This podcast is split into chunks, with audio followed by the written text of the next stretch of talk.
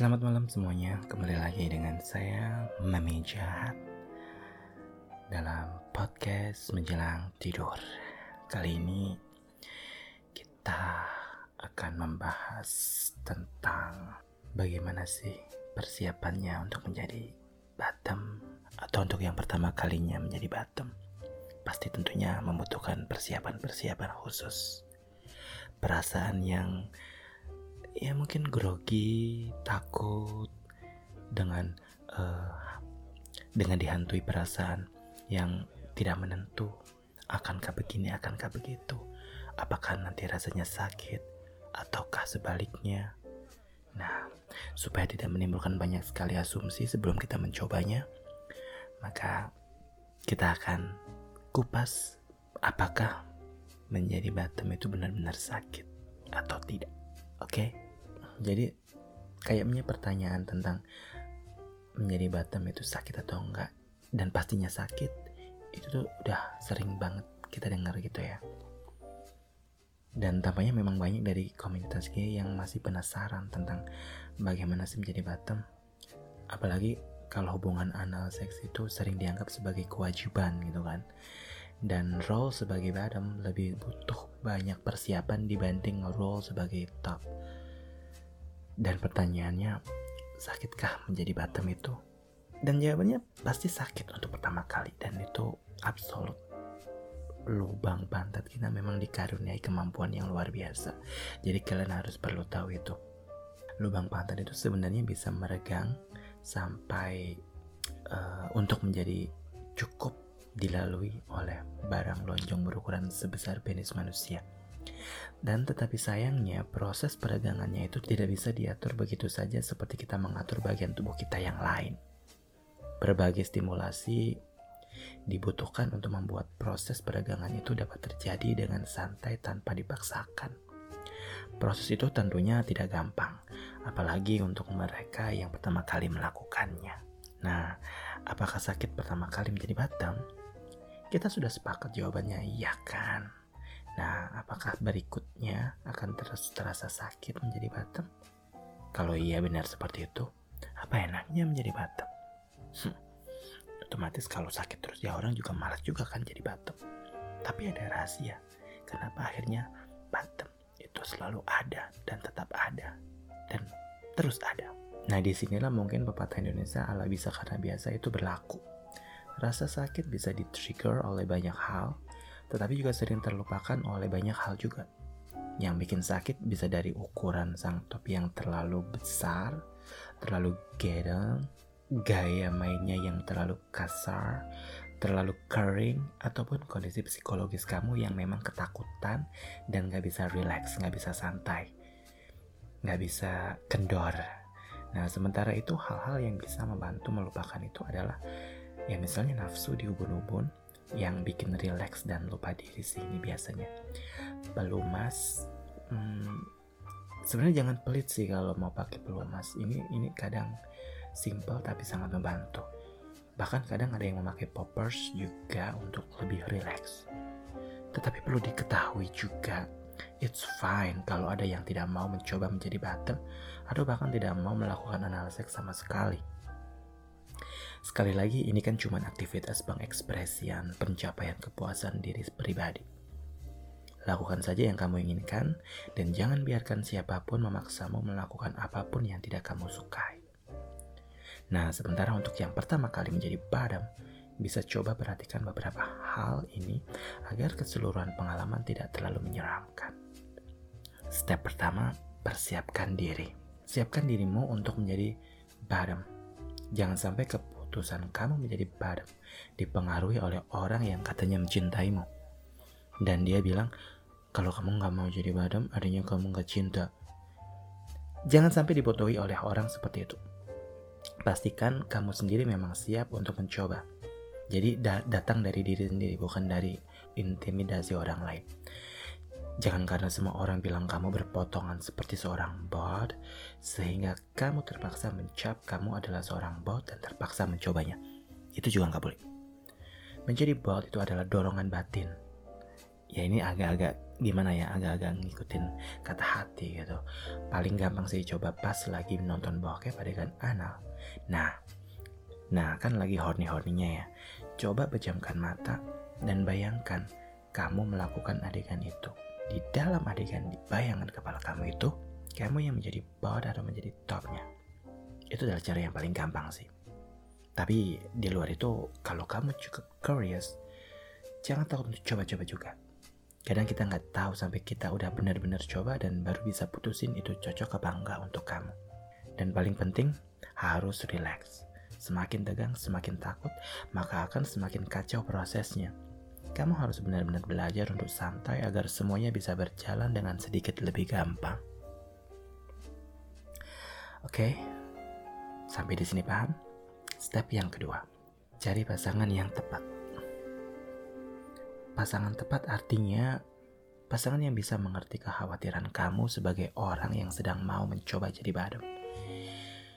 Pasangan top seperti ini tentunya harus yang bisa sedikit lebih tidak egois. Ini yang harus digarisbawahi. Dia akan lebih fokus ke kamu dan berhati-hati agar kamu tidak terlalu sakit ketika mencobanya. Ada aja sih yang sial mendapat top yang egois yang gak peduli bahwa kamu masih takut top yang langsung main tancap sedalam-dalamnya tanpa peduli kamu yang kesakitan dan habis itu dihantam beruntun padahal kamu belum merasa siap gitu. Pilihlah orang yang bisa kamu percaya tidak akan memaksakan kehendaknya ke kamu dalam proses ini. Ingat ini adalah perdana.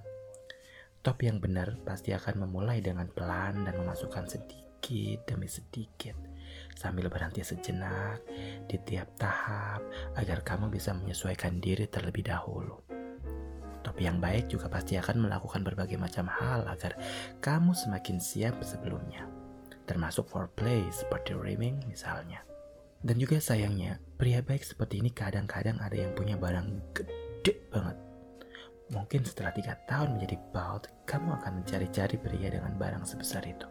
Tapi untuk percobaan pertama, kalau misalnya ada pilihan, dengan ukuran yang standar-standar aja dulu. Kalau langsung dapat pacar yang barangnya gede banget, dan kamu decided mau coba jadi padam dengan dia, berarti kalian harus lebih prepare aja sih. Dan kalau ada yang memaksa kamu melakukannya padahal kamu belum siap, itu artinya kamu diperkosa. Jangan mau dipaksa untuk melakukannya. Oke, konteks diperkosa ini tidak, tidak ada maksud bercandaan ya. Jadi benar-benar hakmu ini direnggut. Jangan mau dipaksa untuk melakukannya. Kalau ada yang sampai memaksakannya, tonjok aja mukanya. Gak peduli dia pacar yang katanya sayang banget sama kamu, atau abang atau koko yang katanya sayang banget dengan dedek seperti kamu, atau stranger cakep yang mirip artis yang kamu temui di grinder. Begitu dia maksa padahal kamu udah bilang gak mau, tonjok aja. Tendang bijinya kalau perlu, biar kapok. Step yang ketiga, bersih-bersih. Ini yang penting.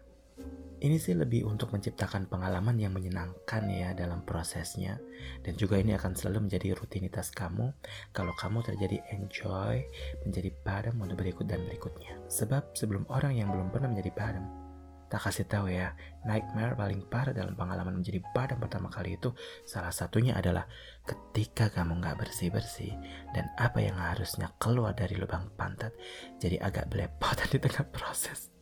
It's a very messy and horrible sight. Jadi untuk mencegah, ada baiknya jangan makan 3 atau 4 jam sebelum proses. Ada baiknya kamu udah BAB dulu sebelumnya. Dan salah satu cara gampang untuk bersih-bersih sampai dalam adalah dengan menggunakan semprotan air di toilet. Gak semua toilet punya semprotan ini sih, tapi kalau kamu nemu yang ada semprotannya boleh dicoba. Jadi setelah BAB keluar dan kamu merasa lega dan gak ada yang tersisa, biasanya kan semprotan ini digunakan untuk bersih-bersih.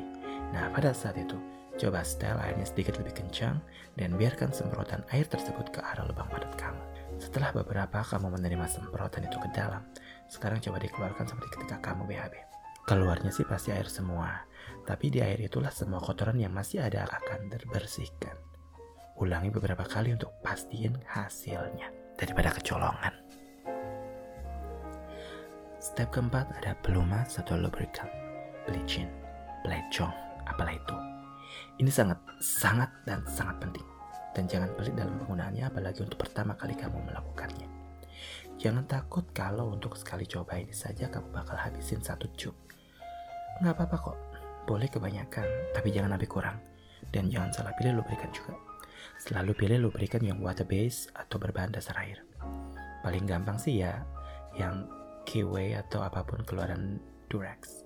Pastikan lubrikannya agak melimpah ruah baik di lubang pantatmu maupun di badangnya si top. Ingat sekali lagi, jangan pelit-pelit makainya. Kalau memang satu tube KY bakal habis untuk sekali coba, ya udah nggak apa-apa. Sebanding banget kok dengan kehadirannya.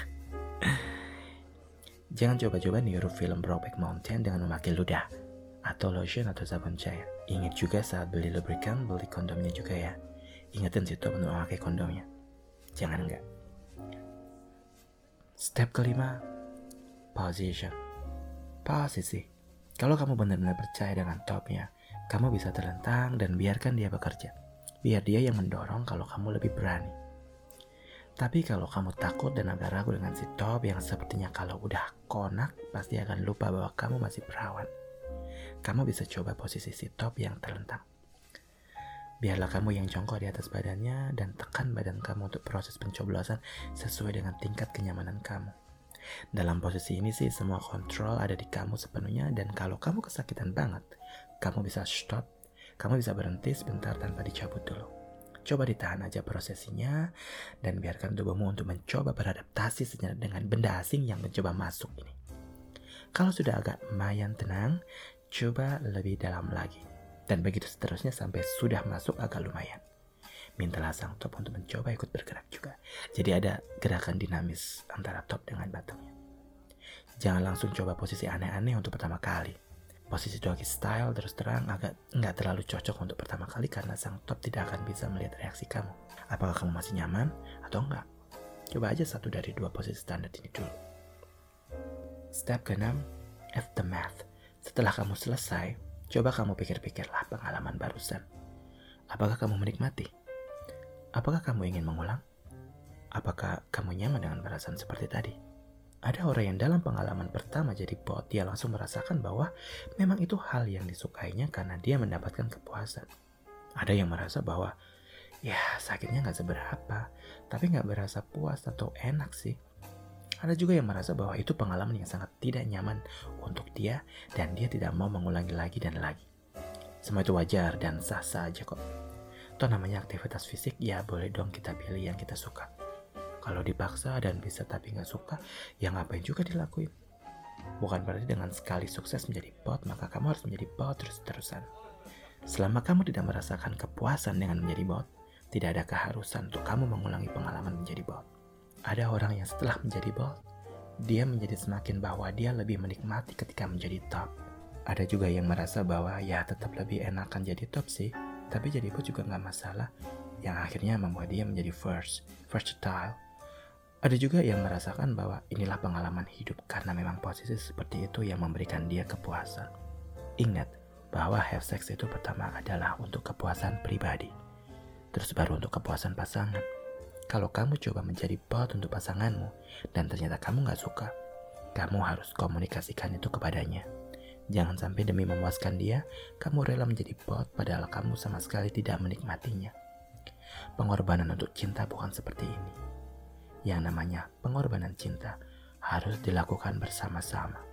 Bukan cuma dilakukan oleh sepihak demi kepuasan pihak lain tanpa ada usaha dari pihak lain untuk melakukan hal yang sama.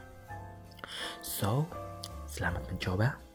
Kalau kau memutuskan untuk melakukan hubungan anal seks, setiap orang harus mencoba untuk menjadi bot sih, paling tidak sekali dalam hidup mereka, untuk memastikan apa yang benar-benar disukainya. Tapi tidak ada keharusan untuk menyukainya sekalipun nanti proses coba-cobanya terbilang lancar. Kalau nggak pengen nyoba, atau bahkan nggak pengen anal sekalipun, atau bahkan nggak mau ML, ya terserah nggak apa-apa. Yang penting asal kamu puas, dan bahagia dengan pilihan kamu aja kok. Oke, cukup segitu aja tips dari aku. Semoga tips-tips tadi barusan bisa bermanfaat buat kalian semua. Untuk yang pertama kali mencoba menjadi badem. Semoga menjadi badem yang sukses. Kalaupun tidak menjadi badem juga, ya anggap ini adalah pengalaman yang sekali seumur hidup. Baiklah pecintaku, demikianlah tips-tips yang bisa aku bagikan. Dan kebetulan tips ini saya dapatkan dari laman Dose Magazine. Jangan lupa tetap dengarkan podcast menjelang tidur bersama Mami Jahat berikutnya. Selamat malam, selamat beristirahat, dan sampai jumpa. Bye-bye.